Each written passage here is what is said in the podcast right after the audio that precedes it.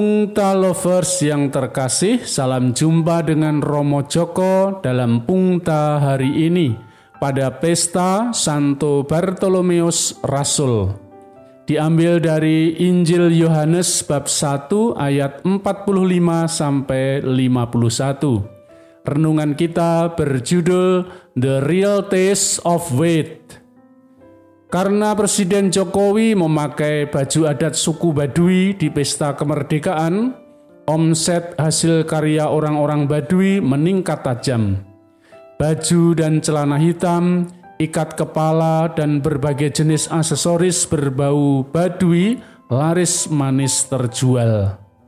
Ekonomi rakyat di daerah Badui meningkat secara signifikan apa yang tidak pernah diketahui tentang suku Badui karena Bapak Presiden memakai baju adatnya sekarang dikenal banyak orang. Banyak orang sebelumnya mungkin berpikir suku itu tertutup, terbelakang, atau bahkan primitif. Tetapi karena kecintaan Jokowi terhadap budaya Nusantara, ia mengangkat suku Badui sehingga dikenal banyak orang. Ada banyak nilai-nilai luhur yang dijaga dan diwariskan oleh suku Badui dan patut kita contoh dan menjadi suri teladan bersama.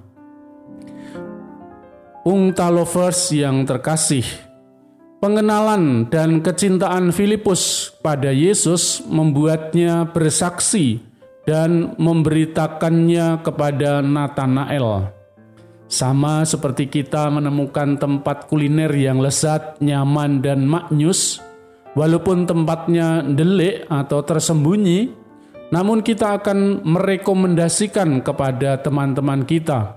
Kita akan bercerita kepada mereka.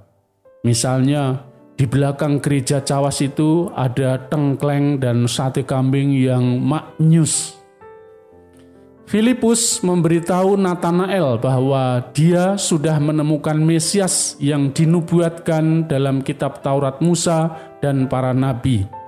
Dialah Yesus orang Nazaret. Nathanael tidak langsung percaya.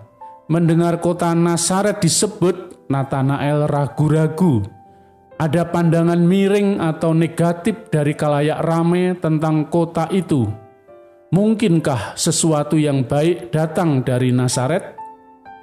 Kita sering mendengar juga kan, kalau menyebut suatu wilayah atau kampung tertentu, orang berkomentar, "Oh, itu daerah hitam. Itu wilayahnya para pencopet, perampok, gerandong atau bajing loncat." Mungkin cap seperti itu yang membuat Nazaret dipandang tidak baik. Orang bertanya, "Mungkinkah sesuatu yang baik datang dari Nazaret. Tetapi ketika Nathanael berjumpa langsung dengan Yesus, cap negatif atau keraguan itu hilang. Nathanael berkata kepada Yesus, "Rabi, engkau anak Allah, engkau raja orang Israel." Pungta lovers yang terkasih, gelar anak Allah dan raja Israel menunjukkan kualitas pribadi Yesus yang diyakini oleh Nathanael.